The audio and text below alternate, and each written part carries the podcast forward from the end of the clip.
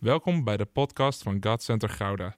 Vanaf deze plek willen we jou inspireren, motiveren en activeren om op een praktische manier je dagelijks leven met God vorm te geven.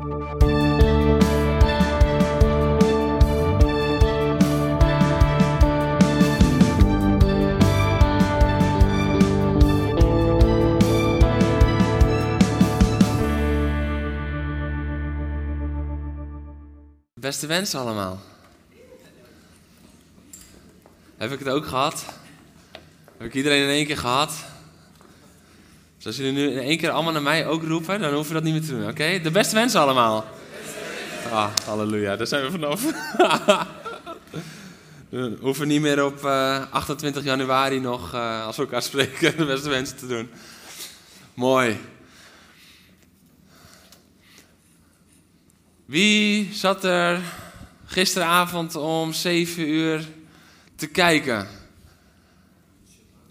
Ietsje later. Oké, wie zat er gisteravond ietsje later te kijken? Kijk, dat zijn dan meer handen. Halleluja. Gisteravond is eh, het nummer Er is niets wat onze God niet kan doen, is gelanceerd.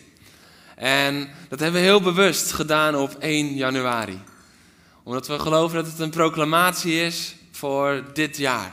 Dat het een proclamatie is voor de kerk van God, voor dit jaar. We geloven daarin ook dat die proclamatie verder gaat als alleen voor God Center Gouda, maar dat het echt een proclamatie is die we over het land mogen uitzingen, over het land mogen laten verspreiden. Omdat er is niets wat onze God niet kan doen. En hoe krachtig is het om daarmee te starten het jaar. Juist in een jaar waar heel veel mensen het idee hebben gehad van nou, we zijn een beetje uh, geëindigd en we starten nu het nieuwe jaar. Een beetje zoals we vorig jaar ook eindigden en starten. Veel mensen hebben het gevoel, we zijn een beetje terug bij af. En dat is een beetje de tendens die er is. Van ja, we zijn terug bij af en het is maar afwachten wat. Maar dwars door alles heen klinkt, er is niets wat onze God niet kan doen. En ik ben er zo dankbaar voor. We gaan zo direct ook nog een moment nemen om dat nummer met elkaar te beleven. Maar dit is zo'n krachtig statement voor het komende jaar. Want ik weet niet hoe het met jou zit. Ik weet niet of je uh, rond oud en nieuw vaak bezig bent met oké, even een stukje terugkijken en een stukje weer verwachtingen voor het nieuwe jaar. Misschien goede voornemens, uh, goede principes inbouwen. Maar ik ben vol verwachting. Ik heb zoveel zin in 2022. 2021 was al geweldig, dus moet je nagaan komend jaar. Want, ja, één iemand heeft er zin in. Dit wordt een te gek jaar. Maar ik kijk er al zo naar uit. Weet je, afgelopen vrijdag hebben we de Oud en Nieuw special, die hadden we opgenomen en die hebben we gestreamd. Om je mee te nemen in een stukje terugblik van het afgelopen jaar en ook al uh, kijkend naar dit komende jaar. En als je die nog niet hebt gezien, dan vraag ik je om die deze week gewoon een keertje rustig even te kijken. Het is gewoon een heerlijke mini-dienst in de huiskamersetting van een uurtje. Maar daarin hebben we ook echt wel het woord gereleased. En eigenlijk dat woord van vrijdag werkt een beetje samen met het woord van vandaag. Dus als je het nog niet hebt gezien, ik haak af en toe terug. Maar ik geef ook, daardoor zit af en toe ook wat herhaling te doen. Uh, omdat het anders uh, wordt wel heel lastig als je het nog niet hebt gezien. Maar we geloven dat we even verder mogen bouwen op wat we vrijdag hebben gedeeld. En daarom wil ik ook even terugkijken met elkaar naar een stukje dat ik vrijdag ook heb gedeeld. Maar uh, wat heel essentieel is. Want vorig jaar, voor de start van het nieuwe jaar, kregen we heel erg sterk een uh, tekst voor het uh, komende jaar. Dus dat was afgelopen jaar 2021. En dat was Jesaja 43. En dat zegt dan: Blijf niet staan bij wat eertijds is gebeurd. Laat het verleden nu rusten. Zie, ik ga iets nieuws verrichten. Nu ontkiemt het. Heb je het nog niet gemerkt? Ik baan een weg in de woestijn en maak rivieren in de wildernis. Heb je het nog niet gemerkt? Het, het ontkiemt al.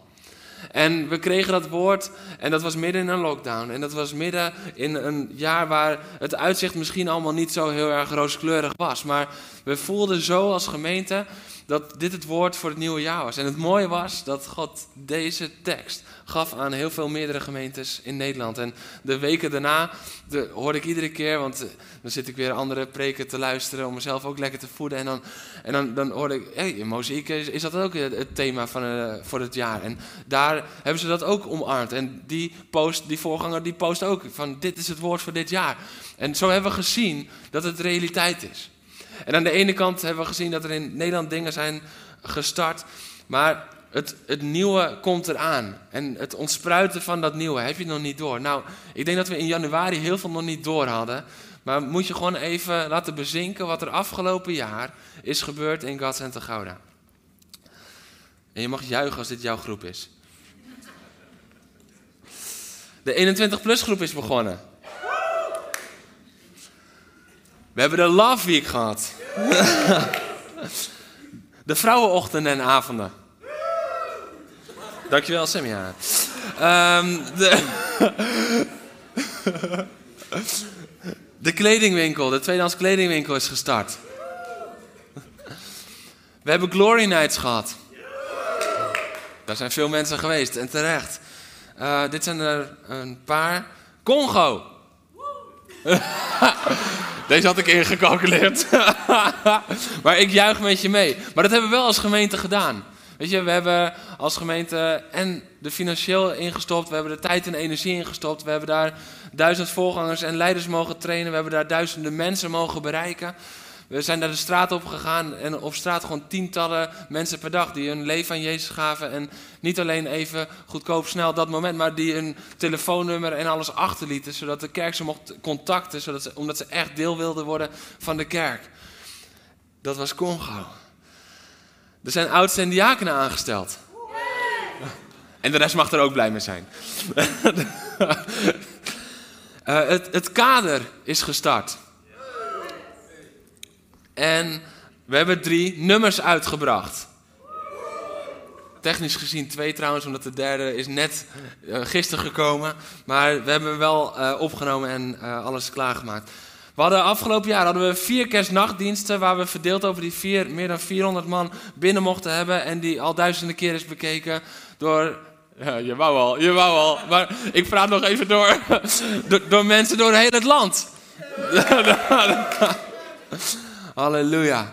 En waar we ook alweer de eerste getuigenissen hebben gehoord van mensen die echt hun leven aan Jezus gaven. Weet je, dit is wat God allemaal heeft gedaan. Ik zat even een klein rekensomje te maken. Ik denk, Heer, u doet gewoon elke maand iets nieuws. In een jaar dat u zegt, het nieuwe komt eraan. Heb je nog niet door? Hoor je nog niet? Zie je nog niet? Maar het komt er al aan. Zoals Elia toen het geruis van de regen al kon horen terwijl er nog geen wolkje aan de lucht was. Hij, hij kon het al zien. Waarom? Omdat God het woord sprak. En, en, en dat voel ik zo voor dit jaar. Dat we mogen beseffen. Als God dit allemaal vorig jaar kon doen. Vorig jaar.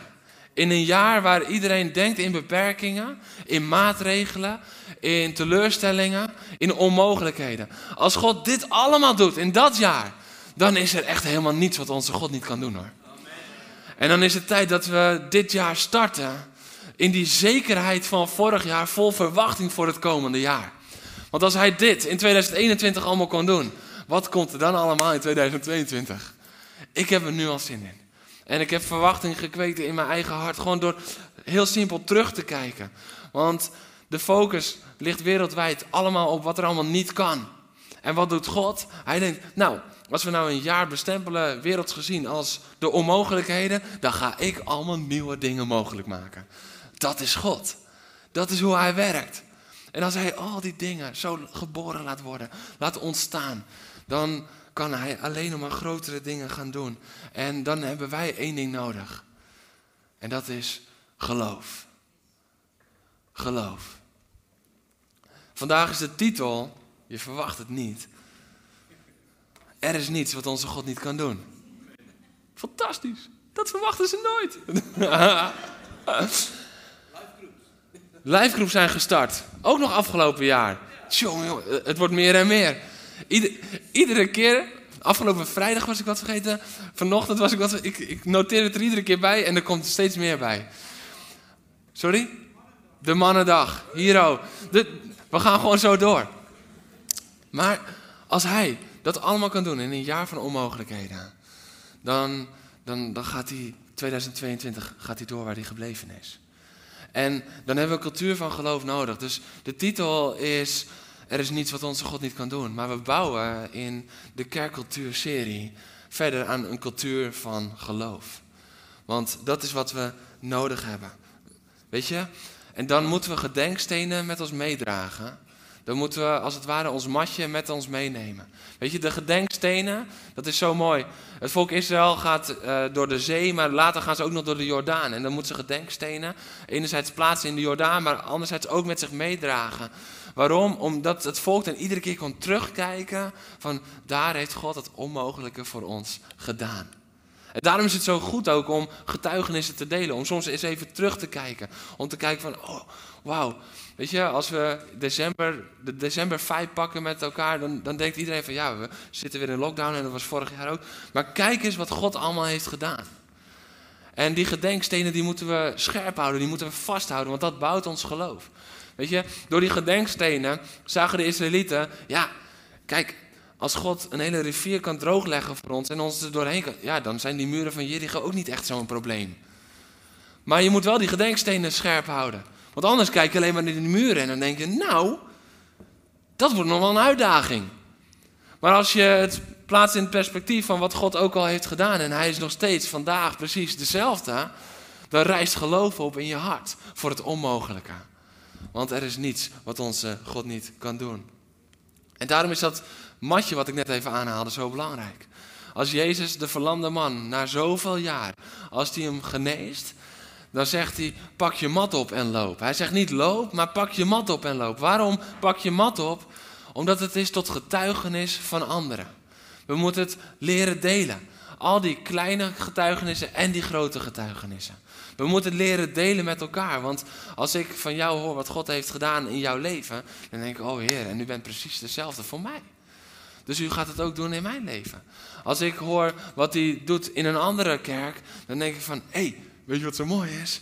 We zijn één kerk met elkaar, dus u gaat het hier ook doen. Want u bent trouw en uw woord houdt stand. En daarom is geloof zo belangrijk. En dat bouwen door gedenkstenen, door onze matjes omhoog te houden. Want er is niets wat onze God niet kan doen. En ik was bezig in de Bijbel met, Heer, wat wilt u dan precies delen? En ik, ik, ik bleef hangen bij dat woord onmogelijk.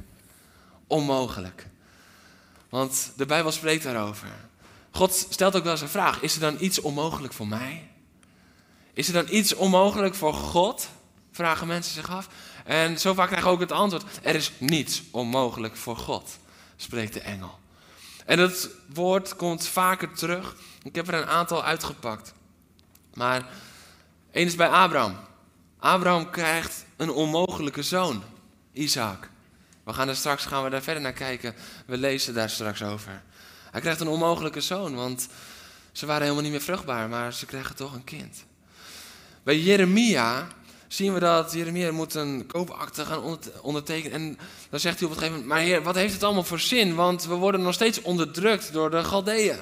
Dus er is sprake van onderdrukking. En ze zijn eigenlijk niet baas over eigen land, over eigen stad. De stad is in bezit genomen. En dan zegt God, is er ook maar iets onmogelijk voor mij? In Zacharia, daar zien we dat Gods hart brandt van liefde voor Sion, voor Jeruzalem, voor zijn volk. En dan zegt hij, wat onmogelijk lijkt voor jullie, ga ik doen. Ik ga iedereen weer bij elkaar brengen. En de straten van Jeruzalem zullen weer vol zijn van mijn volk. En de pleinen zullen weer vol zijn met mijn volk. En jij denkt misschien, het is onmogelijk, maar voor mij is niets onmogelijk. Dat is de stem van God. Iedere keer wijst hij ook nog eens op wat zo onmogelijk lijkt. En dan zegt hij van, maar voor mij is niets onmogelijk. In Matthäus, Marcus en Lucas zien we dat op een gegeven moment Jezus vertelt over, over een stukje over redding. En dan zeggen de discipelen van, ja maar dan is het toch niet mogelijk dat we gered worden. Hoe is het nog mogelijk? Hoe kunnen we nog gered worden? Het is te moeilijk voor ons. En dan zegt Jezus, maar bij God is niets onmogelijk. Water you turned into wine. Ja, als je met je eigen water komt om jezelf schoon te wassen, om goed genoeg te zijn voor God, dan is het onmogelijk. Ja, maar bij God niet. Want God zegt, van jouw water maak ik wijn. Van jouw uiterlijke rituelen, daarvoor heb ik mijn zoon gegeven om jou van binnen te veranderen. Water you turned into wine. En voor God is niets onmogelijk. Wat door de wet niet kon, redding bewerkstelligen, kwam onder het nieuwe verbond, onder de wet van Christus, werd dat mogelijk voor God. Is niets onmogelijk. En dan kijken we in Lucas, Lucas 1, en dan komt de engel bij Maria. En die vertelt dan dat ze zwanger zal worden door de, uh, door de Heilige Geest. En dan vertelt ze ook nog eens over de tante Elisabeth. Ja, want die is ook zwanger. En die was helemaal niet meer vruchtbaar, want die was al op leeftijd. En dan zegt de engel, want voor God is niets onmogelijk. We zien iedere keer dat dat zo helder naar voren komt. En vandaag wil ik met je lezen uit Genesis 18. Ik zei het al even, Abraham en Sarah. We gaan staan voor het woord van God. Ook als je thuis zit te kijken, ik wil je aanmoedigen om dat gewoon te doen. Om dat samen met elkaar te doen. En dan lezen we Genesis 18, vers 9 tot en met 15. Daar zijn er een aantal mannen bij Abraham die lang zijn gekomen. En later zullen we ontdekken dat we te maken hebben niet zomaar met mannen die even langskomen, maar met de Heer die op bezoek komt. En die mannen die zijn bij Abraham en die vragen dan, waar is Sarah, uw vrouw? Vroegen ze hem. Daar in de tent, antwoordde hij. Hij is dus Abraham. Toen zei een van hen: Ik kom over precies een jaar bij u terug en dan zal uw vrouw Sarah een zoon hebben. Sarah, die in de ingang van de tent stond, achter de man, hoorde dat. Nu waren Abraham en zij al op hoge leeftijd gekomen en de jaren dat de vrouw vruchtbaar was, lagen al ver achter haar. Daarom lachte ze in zichzelf. Zou de liefde voor mij nog zijn weggelegd, dacht ze. Ik ben immers verwelkt en mijn man is ook al oud. Toen vroeg de Heer aan Abraham. Zie je? Het is een ontmoeting met de Heer. Toen vroeg de Heer aan Abraham. Waarom lacht Sarah? Waarom vraagt ze zich af of ze op haar leeftijd nog wel een kind ter wereld kan brengen? Is er dan ook maar iets voor God onmogelijk? Op de vastgestelde tijd, over precies een jaar, kom ik terug. En dan heeft Sarah een zoon. Geschrokken, ontkende Sarah. Ik heb niet gelachen. Maar hij zei, ja, je hebt wel gelachen. Lachen, hè? Ga lekker zitten. Dat tafereel had ik graag gezien, overigens. Sarah die zegt, ik heb niet gelachen. Ja, je hebt wel gelachen. En iedere ouder zal het wel herkennen. Ik heb geen snoepje op. Ja, je hebt wel een snoepje op. Ik was deze tekst aan het lezen. En uh, heel vaak eh, gaan we dan gelijk naar dat, is er eh, voor God iets onmogelijk dan? Maar ik, ik zat het hele verhaal te lezen en, en ik stel me dan zo voor dat Sarah is inderdaad in die tent bezig. En die tent was niet geluidsdicht, dus die hoorde alles wat die mannen zeiden.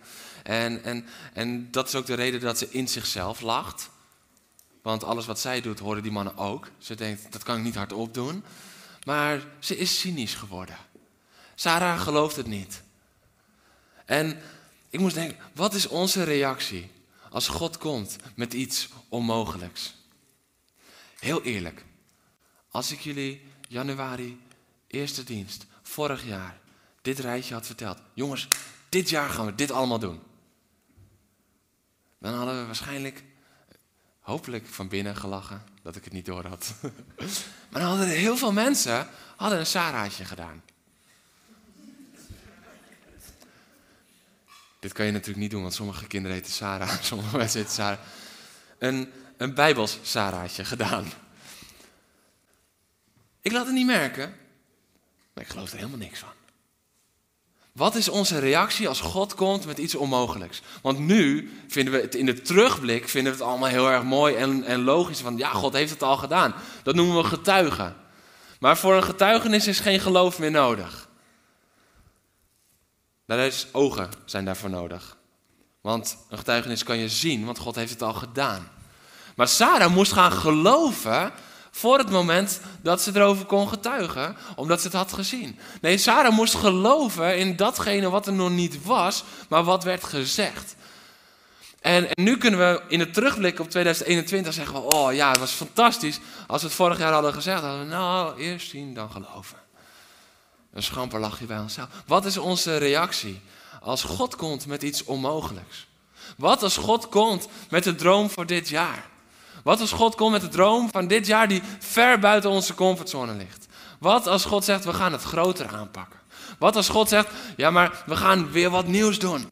En dwars door de storm maak ik wat nieuws. Wat als God zegt, ik ga jou persoonlijk ook een diepere roeping geven. Lach je schamper? Misschien ben je al wat ouder, net als Sarah, en denk je van ja, mijn vruchtbare dagen liggen wel achter mij.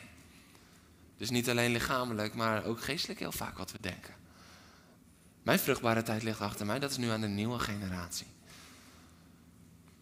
Ik ben verwelkt, zoals Sarah dacht bij zichzelf. Ik ben verwelkt. Ik vond dat zo'n heftige tekst om over jezelf te denken. Misschien is dat wel wat je denkt en is jouw reactie een beetje als Sarah. En er is nog een moment dat een engel zegt: Is er dan iets onmogelijk voor God? En dat is het moment dat hij bij Maria is. En Maria reageert anders. Als we lezen in Lucas 1, dan zegt de, Maria, eh, de engel tegen Maria: Jij zal zwanger worden van de Heilige Geest. En je onvruchtbare tante, die al ouder is, die zal uh, ook een kind krijgen, Johannes. En Maria die denkt niet, het zal wel, ik zal eerst eens even zien. Maar Maria die zegt, laat er met mij gebeuren wat u heeft gezegd. De Heer wil ik dienen. Laat met mij gebeuren wat u heeft gezegd. Maria die lacht niet schamper, maar Maria die gaat ervoor. Maria die lacht niet schamper, maar die zegt, ik geloof. Maria, we hebben het er voor kerst over gehad. Die had niet, zoals Zacharias, de vraag: hoe zal ik weten dat dit gaat gebeuren? Maar die had alleen de vraag van: oké, hoe gaan we dit doen? Dat was Maria, het geloof van Maria. Maar Sarah lacht schamper. En, en toen moest ik denken: van, maar hoe vaak is dat niet de realiteit in ons eigen leven? Dat we schamper lachen. En, en, misschien, net had ik het even over de kerkbrede zaken, maar misschien is het wel dat, dat jij schamper lacht bij de gedachte dat het in je familie weer goed komt. Misschien is het wel dat jij schamper lacht bij de gedachte van mijn vader of moeder, die komt nog tot Jezus. Misschien lach je wel schamper bij het idee dat je broertje of zusje of je broer of zus Jezus weer zal aannemen. Want het is onmogelijk. De situatie is misschien wel verwelkt. Maar wat onmogelijk is bij mensen, is mogelijk bij God. Hij zegt, is er dan iets onmogelijk voor mij? En dat vind ik zo'n mooie vraag. Want daar durf je toch geen nee op te zeggen. Ja op te zeggen, ik zeg het verkeerd. ja, er is iets om. Nee, tuurlijk, dat durf je niet te zeggen tegen God. Maar je weet, in de vraag geeft hij al het antwoord zelf. Nee, er is niets onmogelijk voor hem. Er is niets onmogelijk voor hem. Maar wat als God dat meest bizarre aan jou vraagt? Wat als God een belofte geeft voor jouw leven? Wat als God zich richt op jou? Want als we het dan nog hebben over de kerk, dan is het nog groot en dan kunnen we nog een beetje denken, daar ben ik onderdeel van, maar ik draag dat niet. En het geloof daarvoor is niet afhankelijk van mij. Maar wat als het om jou gaat? Wat als God zegt, maar ik heb voor jouw leven heb ik nieuw leven. Jouw droom wil ik herstellen. Of misschien dat hij wel zegt van, van jou ga ik vragen om uit te stappen. Het is mooi om als kerk uit te stappen, maar, maar van jou wil ik ook vragen om binnen dat grotere geheel, want God denkt altijd in het grotere geheel, maar om jou persoonlijk, om dat te gaan doen, zodat dat past binnen dat grotere geheel. Wat als God dat van jou vraagt? Wat is ons antwoord dan? Is het de lach van Sarah of is het de wil van Maria? En weet je wat het mooie is? Sarah lacht. Maar ondanks haar lach gebeurt het toch. En God die herhaalt gewoon nog een keer het woord. Sarah lacht, God weet dat en dan zegt hij, over een jaar, op de gestelde tijd, zal ik nog een keer komen. En dan zal je een zoon hebben. Dat is genade. Genade is waar God ons ongeloof tegemoet komt, zodat we geloof alsnog opnieuw kunnen gaan bouwen. Dit is een tegeltje, een lang tegeltje. Een breed bedtegel. Genade is waar God ons ongeloof tegemoet komt, zodat wij alsnog ons geloof kunnen gaan bouwen. Want dat is wat hij hier doet bij Sarah. Sarah lacht schamper. Maar God zegt dan niet van, nou weet je wat, jij hebt gelachen, laat maar zitten, ik ga iemand anders zoeken. Nee, hij zegt, jij gelooft het nog niet, want je lacht erom. Weet je wat, ik ga het nog een keer zeggen. Ik ga het gewoon nog een keer zeggen. En weet je wat, over een paar maanden zal je het merken, want dan voel je opeens die baby in je buik. Je zal het gaan meemaken, ondanks je ongeloof. Dat is genade. Dat is hoe God werkt. En misschien denk jij, ja, ik heb het wel gemist, want uh, ik heb al een paar keer schamper gelachen. Dan wil God het vandaag tegen jou herhalen. En dan zegt hij, maar nog steeds is dit mijn plan voor jouw leven. Nog steeds is dit mijn droom voor jou. Nog steeds gaan we verder. En die lach van Sarah, die verandert. Want Abraham noemde zijn zoon, die hij had gekregen in hoofdstuk 21, die Sarah hem gebaard had, Isaac. En dan staat er iets verderop in vers 6 dat Sarah zegt: God maakt dat ik kan lachen, zei Sarah. En iedereen die dit hoort, zal met mij meelachen. Het schampere lachje van ongeloof is een lach van getuigenis geworden. Het schampere lachje van twijfel is een brede lach van getuigenis geworden. Dat is wat God doet. Dat is de God die wij dienen. Want die God, Hij is nog steeds precies dezelfde. Hij is onveranderlijk. Dus waar jij bent begonnen, misschien met een schamper lachje, en dat God nog een keer wil herhalen, dat zal jouw getuigenis worden. En weet je wat dan zo mooi is? Dan zegt Sarah, hé, hey, en dan lach ik niet stilletjes. Dan lach ik niet in mijn ongeloof stilletjes, zoals ik dat deed toen ik het niet geloofde wat God zei. Maar dan lach ik breed uit. Want als ik breed uit lach, dan zal iedereen met mij meelachen. Dat noemen we getuigen. Dan, dan, dat, dat noemen we getuigenissen geven. Dat is delen van Gods goedheid. En hoe meer we Gods goedheid gaan getuigen, hoe meer geloof zal oprijzen in de harten van anderen. Want God is precies dezelfde. God is precies dezelfde. Hebreeën 13, vers 8 zegt: Jezus Christus is vandaag, gisteren en morgen. Hij is precies dezelfde. Dus als hij het toen deed, dan kan hij het nu nog steeds. Want God is niet een kleinere God als in de tijd van de Bijbel. Weet je, en dat is een denken dat we nog steeds moeten doorbreken. Dat we vaak denken van ja, maar toen deed hij een zee opensplitsen. En, en toen vielen muren neer. En toen, en toen, en toen. Maar we zien niet wat God ook vandaag de dag nog steeds doet. Want hij is nog precies dezelfde. Exact dezelfde.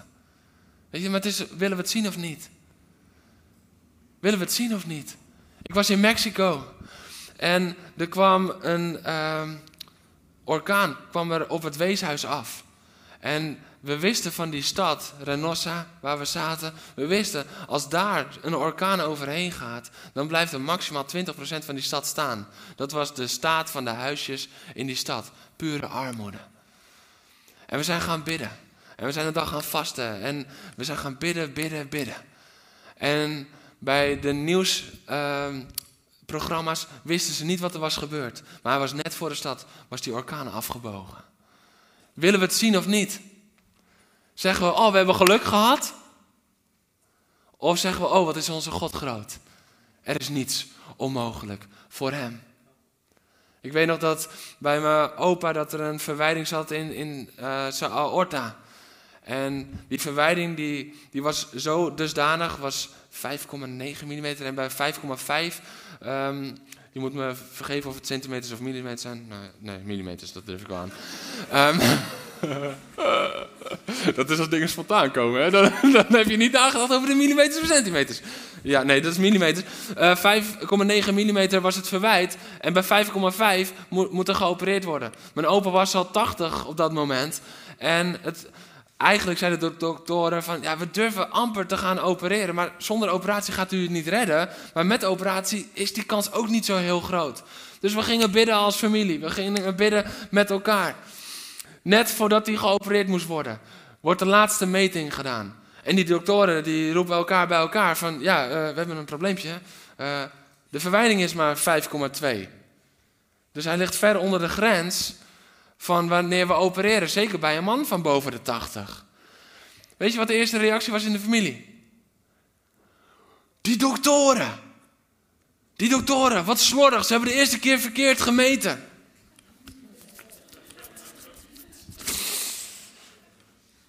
Genade is ons ongeloof tegemoet. Kom on! Zien we de wonderen die God nog doet?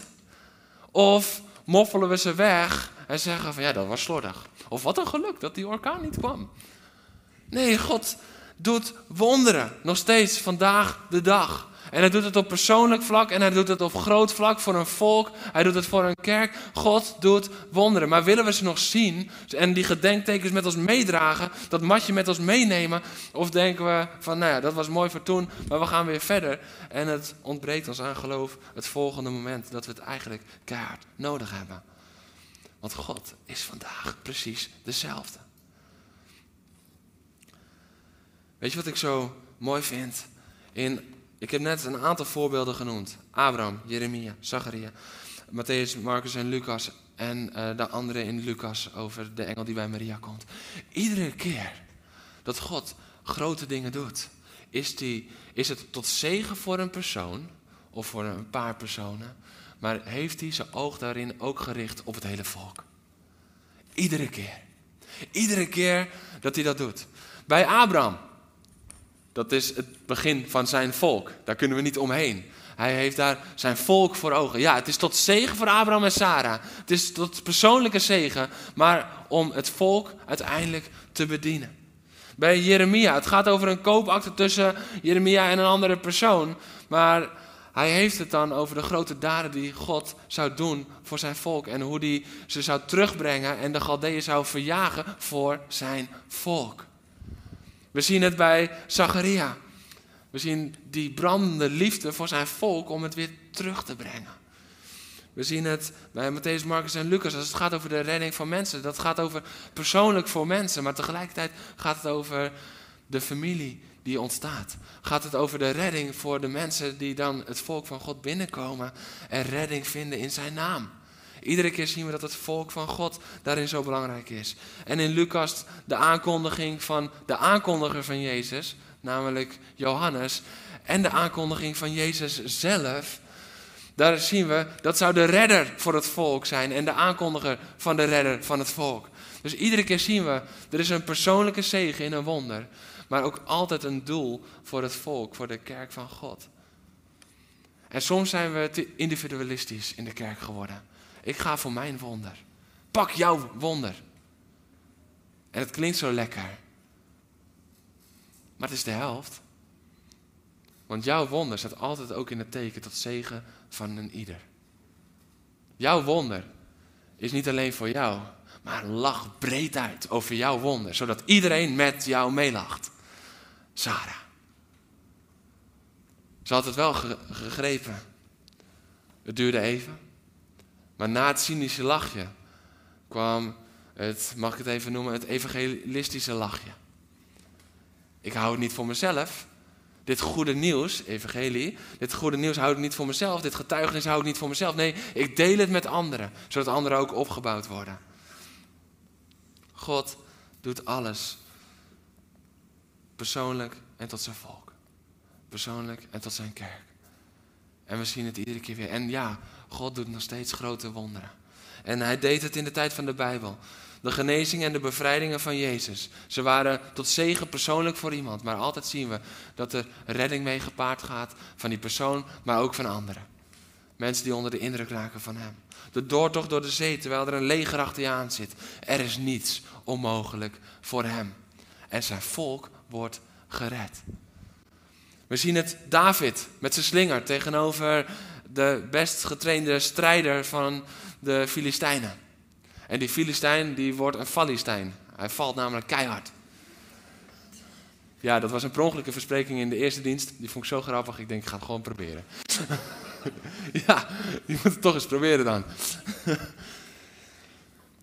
maar David met zijn slinger, en dat was een persoonlijke zegen voor hem, een hele persoonlijke, want uiteindelijk daardoor komt hij aan het hof en daardoor gaat hij veldtochten ondernemen. Maar uiteindelijk betekent het de bevrijding van het hele volk Israël van de Filistijnen. Dat is de realiteit van het wonder van David. Je zal in de put zitten en verkocht worden. En het is een wonder dat je dan omhoog uh, komt in positie En dan weer in de kerker. En dat je dan uiteindelijk op de troon van Egypte komt. Dat is een persoonlijk wonder voor Jozef. Maar wat doet God ermee? Hij redt het volk Israël. Want Israël met zijn zonen, die komen uiteindelijk naar Egypte om de hongersnood te overleven. Dus ook in alle wonderen die er zijn voor Jozef, heeft God zijn hele volk voor ogen. Als je de Midianieten gaat verslaan midden in de nacht met een paar fakkels en een paar bezuinen met 300 man, dan is dat voor, jou persoonlijk een zegen van overwinning. En Gideon die kreeg daardoor een andere status. Maar uiteindelijk ging het God er vooral om dat zijn volk werd bevrijd van de Midianieten. En je zal vastzitten in de diepste kerker en je zal vastzitten, kapotgeslagen, omdat je het evangelie predikt en verkondigt. Je zal helemaal daar met kapotgeslagen rug zitten. En je gaat de Heer loven en prijzen voordat hij wat doet voor jou. Gewoon omdat hij goed is. En dat zijn goedheid niet afhangt van wat hij voor jou doet. En je heet Paulus en Silas. En opeens gaan de gevangenisdeuren open. Dan is dat een wonder voor hun persoonlijk. Maar niet alleen voor hun persoonlijk, want uiteindelijk mogen ze daardoor de gevangenisbewaarder en zijn hele huishouden mogen ze tot Jezus leiden. Elk wonder gegeven aan een persoon heeft altijd tot doel dat het ook de kerk en het koninkrijk van God bouwt. En we moeten het niet zo individualistisch maken. Je moet niet denken, ik heb mijn wonder nodig. Ja, je mag je wonder nodig hebben, maar zeg dan, wij hebben mijn wonder nodig. Wij hebben het nodig. Want ik heb het nodig om te horen van jou. Als ik nooit een getuigenis hoor van anderen, dan ben ik afhankelijk van alleen naar mijn eigen leven kijken. Het is supergoed om te horen van anderen, de gedenkstenen, het matje mee te nemen. Wij hebben wonderen nodig van elkaar. En dan bouwen we aan een cultuur van geloof. En dan bouwen we aan, dat, aan die cultuur van geloof. En daarmee zeg ik dus niet van uh, er mag geen twijfel zijn. Of er mag geen angst zijn. Weet je, heel vaak doen we van, ja, want dan geloof je niet. Of uh, waar geloof is, daar is geen. Nou, ik denk dat het anders ligt. Ik denk dat het woord heel duidelijk maakt dat er soms wel angst is, dat er wel schrik is. Maar wat je daarmee doet, dat dat bepaalt of je gelooft of niet. En dat er pijn mag zijn. En dat er verdriet mag zijn. Dat we dat niet wegstoppen, maar dat het er mag zijn. Maar wat doe je er dan mee? Dat bepaalt of er een cultuur van geloof is. Afgelopen vrijdag heb ik ook een stukje uit twee kronieken gedeeld. En ik ervaar dat dat voor het komende jaar een hele belangrijke wordt. Ik zal er door het jaar heen vermoedelijk nog een aantal keer op terugkomen. Dat voel ik nu al. Maar wat we daar zien is dat geloof betekent niet slecht nieuws ontkennen, maar dat we weten op welke plaats we dat moeten brengen. Dat is geloof. Niet ontkennen. Niet denken van, oh, ik hoor van mijn boodschappers dat er allemaal volk op me afkomen en die willen me aanvallen. Weet je wat? Ik ontken het gewoon, dan is het er niet. Dan geloof ik sterk. Nee, dan stop je dingen weg. En dingen wegstoppen, daar hoef je ook geen geloof voor te bouwen. Maar koning Jozefat, die hoorde dus dat slechte nieuws. Ja, de Ammonieten en de Moabieten en de Meunieten, ze zijn onderweg. En ze trekken te strijden, Jozefat. Wat moeten we doen? En weet je wat er dan staat? In 2 Kronieken 20, vers 3. Jozefat schrok hevig en hij besloot de Heer om raad te vragen. En dit vind ik een waardevolle zin. Jozefat schrok hevig en hij besloot de Heer om raad te vragen. Weet je waarom dit in de Bijbel staat? Omdat God ons volgens mij heel erg duidelijk wil maken. Je mag best even schrikken. Want God had er ook gewoon voor kunnen kiezen om alleen Jozef had besloot om de Heer om raad te vragen. Om alleen dat neer te zetten. Jozef had hoorde het en hij besloot de Heer om raad te vragen. Nee, er staat een tussenzinnetje. Hij schrok hevig en hij besloot de Heer om raad te vragen. Maar Jozef was een man van geloof. Dat gaan we zo direct zien. Maar hij wist waar hij zijn schrik moest brengen. Hij wist, nu moet ik niet gaan wandelen in ongeloof. Nee, ik breng het bij God. En daarom pakte hij ook weer het geloof op. Hij kondigde in heel Juda een vaste dag af. En uit werkelijk alle steden van Juda kwam men bijeen om de Heer om raad te vragen. Werkelijk alle steden kwamen ze samen. En wat dan zo mooi is, die eerste les die hebben we geleerd. Oké, we hoeven onze schrik niet te ontkennen, we hoeven onze angst of onze paniek niet te ontkennen, maar we moeten weten bij wie we moeten komen ermee. En hij vroeg direct om hulp. En dan hebben ze gebeden en gevast. En de volgende eh, morgen vroeg gingen ze. En dan zegt Jozefat tegen het volk in vers 21 en 22. Vertrouw op de Heer, uw God, en u zult stand houden. Vertrouw op zijn profeten en uw welslagen is verzekerd. In overleg met heel het volk wees hij de zangers aan om de lof um, voor de Heer te zingen. Zij trokken voor de bewapende legermacht uit, de heilige glorie prijzend met de woorden: Loof de Heer, eeuwig duurt zijn trouw. En ik heb dit afgelopen vrijdag in de Auto Nieuw Special ook gedeeld. Als je dat hebt gemist, luister vooral nog even terug. Ik ga het nu even kort pakken. Daar was het iets uitgebreider. Maar hier gebeurt iets. En er gebeurt iets interessants. Dus de tegenstanders zijn in aantocht. En wat zegt Jozefat? Hij heeft de Heer om raad gevraagd en dan komt dit eruit. Vertrouw. En wat hij dan doet, is ze stellen aanbidders stellen ze aan. Aanbid. Doe het allemaal, want in overleg met het volk. Dit was niet iets wat hij alleen deed. Nee, allemaal. En dan ga, want ze gingen. En de aanbidders gingen voor de legermacht uit. En als je dat achter elkaar zet, dan krijg je wat dit is. Vertrouw, aanbid. Allemaal. Ga. Vertrouw. A, aanbid. Allemaal. Ga. Dat is vaag. Dat is gewoon heel vaag. Want ik heb ontdekt dat wat normaal is in de ogen van God, is vaag in de ogen van mensen. Dit is ook een heel vage tactiek. Van, hé hey, jongens, uh, er komen, trek het even naar de tijd van nu, er komen gasten met geweren aan. Uh, wij hebben ook gasten met geweren. Zullen we dan degene met trompetten voorop sturen? Vaag. En dat is zacht uitgedrukt. Dat is vaag. Dat is niet de beste tactiek. Ik kan me voorstellen dat Jozefat wel even heeft gedacht van, nou, ik ben benieuwd hoe ze dit gaan oppakken. Maar weet je wat er gebeurt? Wanneer God met iets aan de gang gaat, wat voor mensen vaag is, keert hij om. Wat in het natuurlijke normaal is, is in het bovennatuurlijke omgekeerd. En wat krijg je als je vaag omkeert? Gaaf. In heel goed Nederlands. Gaaf. Wij gaan een gaaf jaar tegemoet. We gaan een geweldig gaaf jaar tegemoet. Gaaf is in één keer ook weer een gaaf woordje. Weet je, jongeren die zeggen gaaf, dat is echt 1990. Eh, ja, nee, maar gaaf is het woord voor 2022. Wij zijn trendsetters. Hashtag gaaf. Zetten we het hele jaar bij alles wat we doen. Hashtag gaaf. Gaaf is weer een nieuw gaaf woord. Maar dat is wat er gebeurt op het moment dat we God toelaten. Dan wordt wat voor mensen krankzinnig is, vaag is, wordt gaaf in de ogen van God. En weet je wat er zo krachtig is? Dan gaan we allemaal in aanbidding, in vertrouwen. Dan gaan we allemaal aanbiddend in vertrouwen.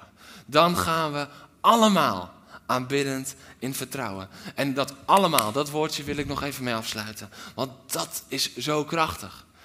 Weet je wat ik zo mooi vind? Hij overlegde hier met het volk. En ze gingen allemaal. De, de lofprijzers gingen, de legermacht ging. Ze gingen met z'n allen. En, dit is zo'n belangrijk element. Dit is zo'n belangrijk element als we willen bouwen aan een cultuur van geloof. En je bent daar alleen in, dan heb je een probleem. Want dan vat jij op een gegeven moment het geloof om die droom te gaan delen die je zo lang voor je hebt gehouden. En als die cultuur van geloof er niet met z'n allemaal is, dan denkt die andere van, vaag.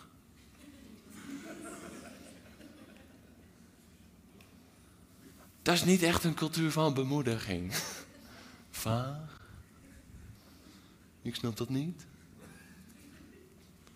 Ik zie het nog helemaal niet. En wat ik niet zie, dat bestempel ik als vaag. Is niet bemoedigend. Maar wat als diegene zegt: Oh, wat gaaf! Dit is zo'n goed idee. Ik heb nog geen idee hoe we dit moeten doen. Maar dat is cool. Gaaf. Want dan is God erin. Ik zie het nog niet. Ik moet, ja, nee.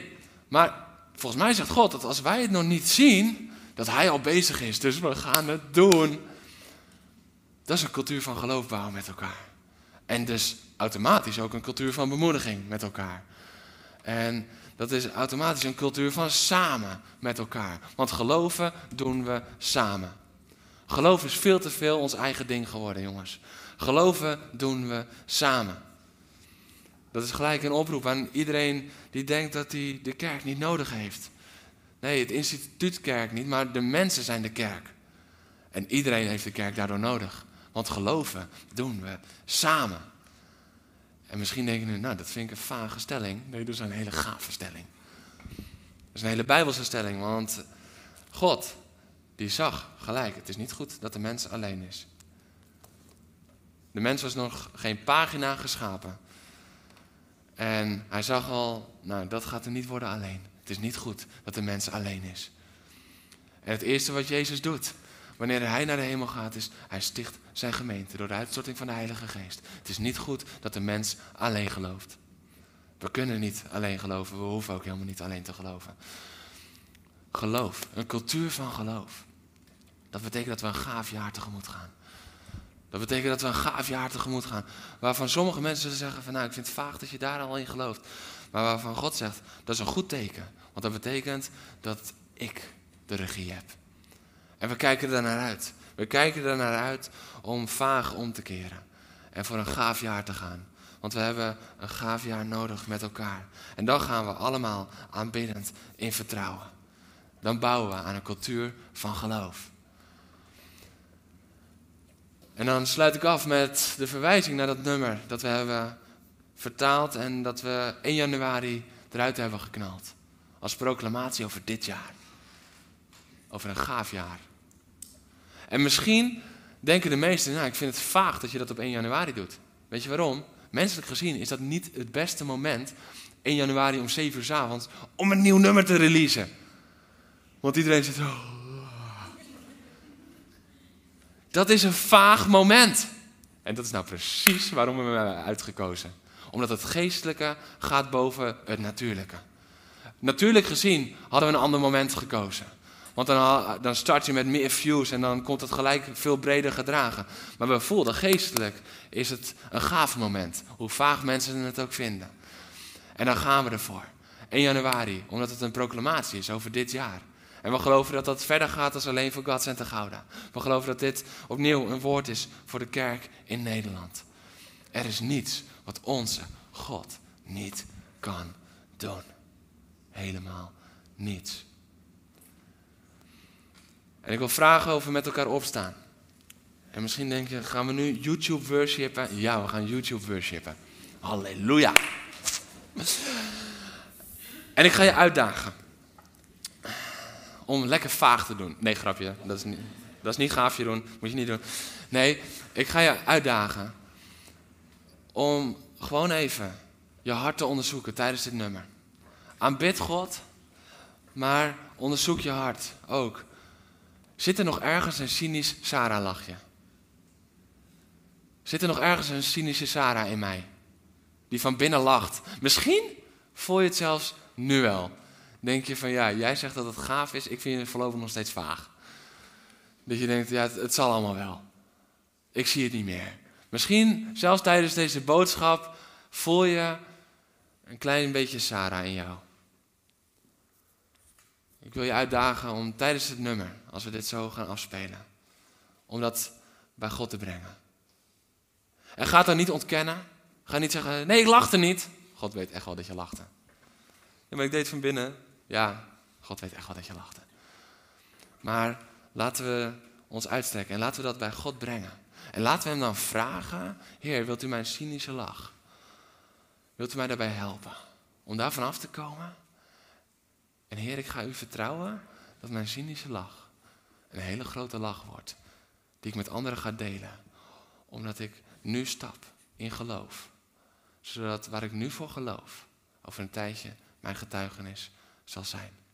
Bedankt voor het luisteren naar deze podcast. Volg ons op onze kanalen om verbonden te blijven.